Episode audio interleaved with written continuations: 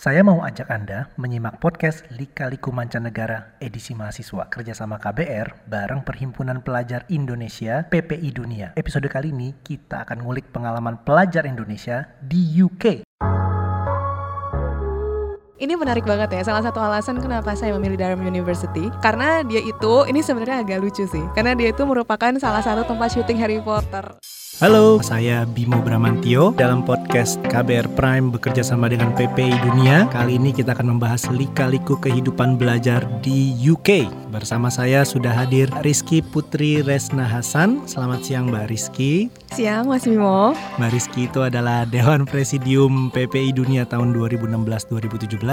Dia juga aktif di Divisi Luar Negeri PPI UK 2015 sampai 2016. Dia juga merupakan seorang LPDP Awardee, alumni Durham University dan founder dari Yayasan Cendikia Aksara, sebuah yayasan yang bergerak dalam pemberdayaan putra-putri daerah untuk pendidikan luar negeri dengan beasiswa. Mbak Rizky, cerita dikit dong sekarang uh, kesibukannya apa setelah selesai dari UK dan sekarang udah di Indonesia? Sekarang saya kesibukannya, um, saya kan merupakan salah satu founder Cendiki Aksara, satu yayasan yang bergerak di bidang pendidikan untuk putra-putri daerah. Saya juga kerja di salah satu konsultan pendidikan. Jadi kesibukan saya itu biasanya setiap bulan nih, setiap Sabtu Minggu, ini saya keliling-keliling Indonesia. Sabtu Minggu Ya, ya? Jumat Sabtu Minggu Jumat, biasanya keliling-keliling Indonesia untuk memberikan pembekalan kepada teman-teman mahasiswa pada umumnya ya, teman-teman mahasiswa untuk bisa kuliah ke luar negeri. Kurang Di kampus-kampus atau Iya, bisa dari kampusnya yang mengundang atau mungkin dari Pemdanya kepada putra-putri daerahnya atau mungkin kemarin terakhir dengan salah satu instansi pemerintah untuk pegawai-pegawainya yang ingin kuliah luar negeri Oh. dengan beasiswa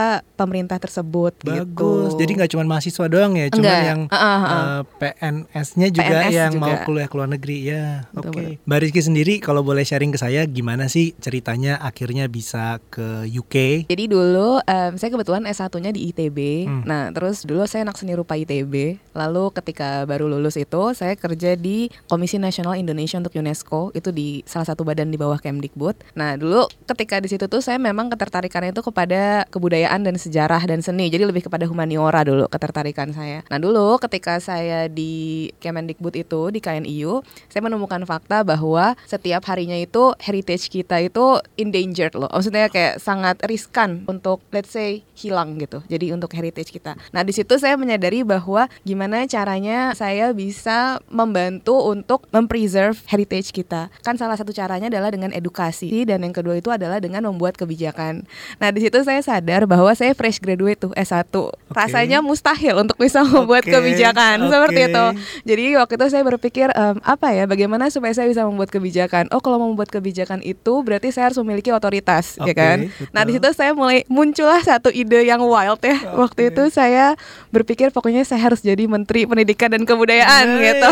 Yeah, it starts with a dream, right? Iya, Yeah. itu dulu saya berpikir seperti itu, lalu saya pikir, oh kalau dengan status S1 sepertinya kurang memungkinkan untuk bisa menjadi menteri. Oke. Oleh karena itu saya mulai berpikir apa sih kampus arkeologi yang terbagus di dunia gitu. Salah satunya adalah Durham University. Dirimu dari awal tuh tertariknya di arkeologi Iya, ya. jadi Jadi, lebih- endangered tuh in terms of arkeologi Yes, gitu ya. Karena aku uh, berpikir endangered tuh bisa bahasa, bisa suku. Jadi kalau heritage sendiri kan ada dua ya, tangible dan intangible heritage. Nah kalau saya sendiri lebih fokusnya kepada tangible, cagar budaya benda. Hmm. Jadi lebih ke situ, makanya ngambil fokusnya arkeologi seperti itu. Oke, dan itu uh, it leads you to uh, get interested in Durham University. Yeah, because it was one of the best um, universities in in terms of archaeology ya. Jadi itu salah satu yang terbaik gitu loh. Tadinya kan saya mau ngambilnya S2 Oke. UI, cuman ternyata S2 UI arkeologi itu tidak menerima yang tidak sejalur. Oh, oke S1-nya tidak sejalur. Tidak sejalur. Oh, oke. Jadi makanya saya mengambil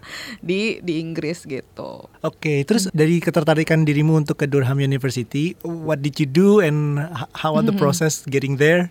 Ya jadi dulu waktu pulang kantor itu biasanya main ke ini loh konsultan pendidikan dulu. Terus Oke. jadi kayak tanya-tanya ada kampus apa aja sih yang bagus. Nah terus dari situ datang lagi ke Education Expo biasanya. Oke, Nanti iya. kumpul ngumpulin semua brosur terus di rumah dilihat mana nih yang kira-kira memungkinkan untuk berangkat gitu. Nah dari situ mulai ada gambaran oh negara yang paling cocok dengan saya ternyata Inggris dan kampus yang paling bagus untuk arkeologi ternyata Durham University. Jadi ya langsung mengarah ke situ. Nah pertanyaan berikutnya bagaimana ke sana kalau nggak punya uang Exactly, gitu kan? exactly. Jadi akhirnya mulai mencari beasiswa dan kebetulan sekali LPDP pembukaan pada saat itu. Oke. Jadi ya menyiapkan kurang lebih setengah tahun untuk beasiswa LPDP. Oke. Gitu. Apakah prosesnya susah waktu mendaftar atau kamu dirimu ada tantangan-tantangan yang kamu ingat waktu mendaftar beasiswa LPDP? Kalau untuk LPDP itu sebenarnya eh, bisa dibilang ya LPDP itu kan goalnya adalah menciptakan pemimpin masa depan untuk Indonesia. Oke. Jadi dia ingin investasi di sumber daya manusia Oke. dalam hal kepemimpinan. Nah oleh karena itu yang dilihat itu adalah soft skillnya, bukan kepada IPK. Nah Oke. oleh karena itu kurang lebih setengah tahun sampai satu tahun itu saya nge-build CV. Oke. Jadi perjuangannya malah di build CV-nya itu bukan pas tes LPDP-nya. Kenapa? Karena LPDP kan ingin melihat kemampuan leadership gitu loh, yang terbaru. Maksudnya bukan pengalaman-pengalaman lama. Ya akhirnya persiapan itu kurang lebih enam bulan sampai satu tahun lah saya Jadi soft nyiapin. skill tuh leadership, mungkin leadership terus kayak public gitu ya. speaking Oh, ya. seperti itu karena kan memang yang dicari adalah yang memiliki kemampuan untuk memimpin ya karena putra kan calon-calon pemimpin Indonesia gitu jadi Oke. kurang lebih seperti itu tapi kalau untuk persiapan-persiapan teknis standar ya mungkin les bahasa Inggris atau mungkin latihan esai gitu Apa sih yang dilakukan dalam membangun CV itu? saya kan S1-nya seni rupa dan S2-nya IM untuk arkeologi ya kan. Nah, kalau misalnya di luar negeri sebenarnya seni rupa sama arkeologi itu masih satu rumpun loh, masih di humaniora gitu. Tapi kan di Indonesia kita beda nih. Nah, otomatis silabus dan mata kuliahnya berbeda dong antara di sini dengan di sana. Nah, kenapa saya menyusun CV? Karena saya menjadi asdos di beberapa kampus. Jadi saya ngasdos di ITB, ngasdos di STSI, terus jadi dosen pengganti di Telkom gitu. Tujuannya apa? Supaya itu bisa menutupi mata kuliah-mata kuliah yang tidak didapatkan untuk nge-apply arkeologi gitu loh. Jadi nge-build CV di situ, terus ikut misalnya komunitas seperti Bandung Heritage, seperti itulah kurang lebih. Berorganisasi juga. Iya ya. berorganisasi gitu. Aktif di kegiatan kebudayaan-kebudayaan waktu di Bandung dulu gitu. Begitu kamu sampai di Durham, bagaimana kamu ngelihat kampusnya? Apa pengalaman kamu waktu pertama kali kamu ke kampusnya? Ini menarik banget ya. Salah satu alasan kenapa saya memilih Durham University karena dia itu ini sebenarnya agak lucu sih. Karena dia itu merupakan salah satu tempat syuting Harry Potter. Jadi Oh, ya? Iya. Oh. Jadi ketika kalau misalnya nonton film Harry Potter tuh sering banget settingnya tuh Durham University. Kenapa? Karena Durham itu merupakan salah satu kampus tertua di Inggris. Dia tuh setelah Oxford, Cambridge, baru Durham. Dia kampus ketiga tertua dan Durham itu eh, bentuknya itu kastil. Jadi Oh. kastil. Jadi ya kuliahnya di kastil gitu loh. Bukan kayak bangunan um- Enggak, eh, enggak. kampus pada Jadi- umumnya gitu ya. ada beberapa gedung tapi gedung utamanya itu adalah kastil dan kebetulan Durham itu dulu tuh semacam gereja gitu loh jadi ada kastil ada gereja dan itu tuh sampai sekarang masih dipakai mungkin ibaratnya saya nggak tahu istilahnya apa ya tapi itu semacam pesantrennya Katolik gitu jadi kayak monk gitu loh Oh. jadi ada uh, pakai jubah-jubah Harry Potter gitu kayak Jadi seliweran gitu Dan itu masih berlangsung gitu masih ya. berlangsung sampai sekarang. Dan salah satu yang menarik dari Durham ya, yang saya sangat-sangat amazed ketika ke sana, dia itu masih mempertahankan tradisinya yaitu di Inggris itu ada namanya sistem collegiate. Collegiate itu tuh sistem kalau misalnya kita nonton Harry Potter nih, kan Oke. itu ada House of Slytherin, ada House of Hufflepuff gitu-gitu. Nah, itu ada juga di Durham. Misalnya kayak Hatfield College. Jadi ada college namanya, Hatfield College, University Tapi College. still within the Durham Ya, itu University. itu ya. masuk ba- bodinya Durham gitu. Hmm. Cuman itu tidak berhubungan dengan fakultas. Jadi misalnya nih, saya anak fakultas arkeologi, terus ada fakultas hukum, ada fakultas kedokteran. Nah, kita bisa di college-college yang berbeda. Dan ada beberapa college itu yang kastilnya Durham. Jadi dia tinggal literally di kastil gitu loh. Oh, seru banget. seru banget. Cuman ya ya itu biasanya kalau untuk kastil itu dapatnya yang darah biru gitu loh. Jadi Indonesia nggak biasanya nggak dapat tinggal di Tinggal situ. di situ, ya. Nggak dapat. Bahkan barnya mereka itu di bawah tanah. Kayak iya, zaman dulu gitu iya, kali. Wow. Iya, seru banget. Jadi ada banyak college di Durham University, tapi itu sebenarnya Mbak Rizky bilang itu bukan fakultas juga. Jadi itu bagaimana sih analoginya? Oke, jadi kalau misalnya di Inggris sendiri kan ada beberapa kampus yang memakai collegiate. Nah, kalau misalnya Oxford, Cambridge sama Durham itu tidak ada pengajaran dalam college. Gitu. Jadi Oke. beda sama fakultas. Cuman ada misalnya kayak UCL atau mungkin kampus-kampus lain di Inggris itu mereka mengajarnya tuh di college. Kalau untuk di Durham sendiri, college itu masuk kepada badinya Durham. Jadi masuk ke institusi Durham, tapi Oke. dia itu tidak relate kepada fakultas dan kegiatannya itu biasanya lebih kepada seminar, networking sih, lebih kepada Oke, networking gitu Jadi loh. itu non akademik ya. Jadi Non-akademik. untuk seminar, Mhm. networking. Kalau ada expo-expo gitu, exhibition. ada juga pameran kebudayaan atau Ya. apa. Tapi ada sih satu kegiatan yang paling menarik ketika di college saya karena saya salah satu college tertua. Nah, itu tuh dulu biasanya setiap Selasa malam kita tuh ada makan di meja panjang lah itu literally kayak Harry Potter. Oke. Jadi yang pakai jubah itu kayak hitam. tradisi Inggris banget. Iya, itu tradisi gitu? Inggris. Iya. Jadi kayak pakai jubah. Jadi dalamnya itu kan mesti pakai gaun ya, atau enggak formal, formal attire. Terus kita pakai jubah hitam. Kalau misalnya bisa inget Harry Potter kayak apa jubah hitamnya. Terus nanti ada makanan banyak di meja panjang. Terus di depannya itu tuh ada kalau inget Dumbledore ya. Nah, itu ada benar. Jadi kayak semacam kepala sekolahnya berdiri terus memimpin dengan doa Latin. Lalu kita dipersilahkan makan gitu. itu Jadi itu dia kayak uniknya say the ya. blessing dulu sebelum Iya, makan gitu. ah, ah, ah. Wow, gitu. dia ngasih kata pengantar itu apakah itu Tapi in Latin ya, kita juga nggak paham, cuma ya ya aja gitu. in Latin ya, not Iya. even in English. Iya, bahkan kalau tulisan-tulisan di Durham itu ya itu banyak yang masih dalam tulisan-tulisan Latin karena dia kan kastil katedral tua kan.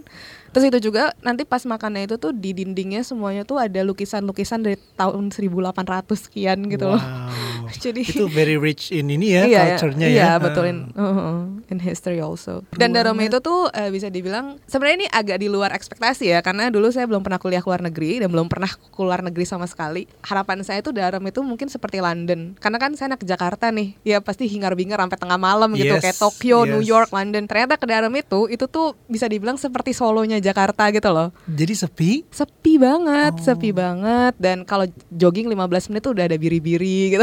udah ada Ber- berapa sunflower orang? field Berapa gitu. orang yang tinggal di Durham tuh berapa orang? How big is the city? I think it's not really big ya. Jadi eh, bahkan nggak ada mall ya mas. Oh, nggak ada no. mall di sana. Adanya itu mungkin kayak semacam plaza gitu. Iya, tapi iya. kalau untuk jumlah orangnya saya kurang tahu juga. Tapi ma- majority itu adalah student sama senior. Jadi banyak kakek-kakek nenek-nenek. Oh, Kenapa? oke. Karena kalau untuk usia produktif itu mereka biasanya pindah ke London atau Manchester, Birmingham Iya. gitu. Apakah jauh itu dari pusat kota London? London kurang lebih sekitar kalau naik kereta ya Iya. mungkin tiga jam. Hmm, what about the jam. flight? Flightnya itu langsung ke Durham apa kamu ke London dulu terus nanti kamu sambung lagi? Kalau misalnya flight itu biasanya ngambilnya itu di Newcastle. Newcastle tuh 15 menit naik underground ke Oh, oke. Durham. ha. So Kalau- Newcastle itu kayak kota besar terdekat dari Durham Iya, gitu ya? iya. I- ibaratnya Jakarta Bintaro gitu loh. Oh gitu, iya, iya.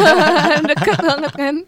Pinggirannya gitu Iya, ya. iya, Oke betul, betul. oke. Nah untuk eh, sistem pendidikannya sendiri, eh, Mbak Rizky untuk S2 itu eh, kayak gimana sih? Apa bedanya sih dengan di Indonesia dari sistem pendidikan? Kalau misalnya di UK itu ada dua jalur untuk S2 ya. Pertama itu Master by Thought atau Master by Research. Kalau misalnya Master by Thought itu basically sama aja kayak di Indonesia kayak kuliah seminggu berapa kali berapa kelas dapat SKS ngerjain tugas pulang gitu ya. Tapi kalau misalnya master by research itu ibaratnya semacam tesis yang diperpendek setahun. Jadi dia nggak ada kelas tuh. Jadi dia tuh cuma ketemu dosen bimbingan skripsi tanda kutip skripsi skripsi skripsi gitu sampai oh, lulus oh, by research. Jadi By basically membuat skripsi ya, eh, paper Ah, lah gitu iya. ya. ha-ha. disertasi. Disertasi. ya dia membuat disertasi tapi dia nggak ada kelas sama sekali nah kalau master by thought atau master by course itu sistemnya mirip kayak di Indonesia gitu Oke. Dan dari sisi durasi dua-duanya sama. Kalau misalnya master by course umumnya itu satu tahun untuk yang full time sedangkan kalau master by research itu bisa 1 sampai dua tahun tergantung gelarnya ya Eh, MPhil atau dia mau MSc gitu kan itu kan gelarnya beragam nah kalau untuk part time itu untuk TOT itu biasanya dua tahun part time. Jadi misalnya datang Sabtu Minggu atau setengah hari doang. Nah, terus kalau untuk research itu biasa bisa 2 sampai 3 tahun.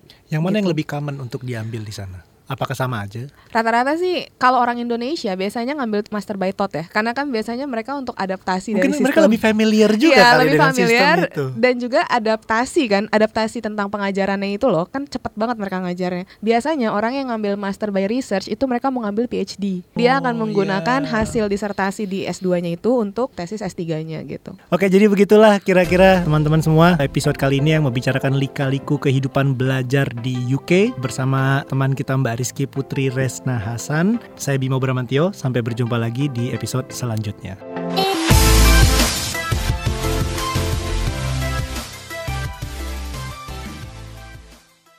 Selalu simak podcast Lika-Liku Mancanegara edisi mahasiswa lewat kbrprime.id. Nantikan ya podcast berikut edisi UK Part 2.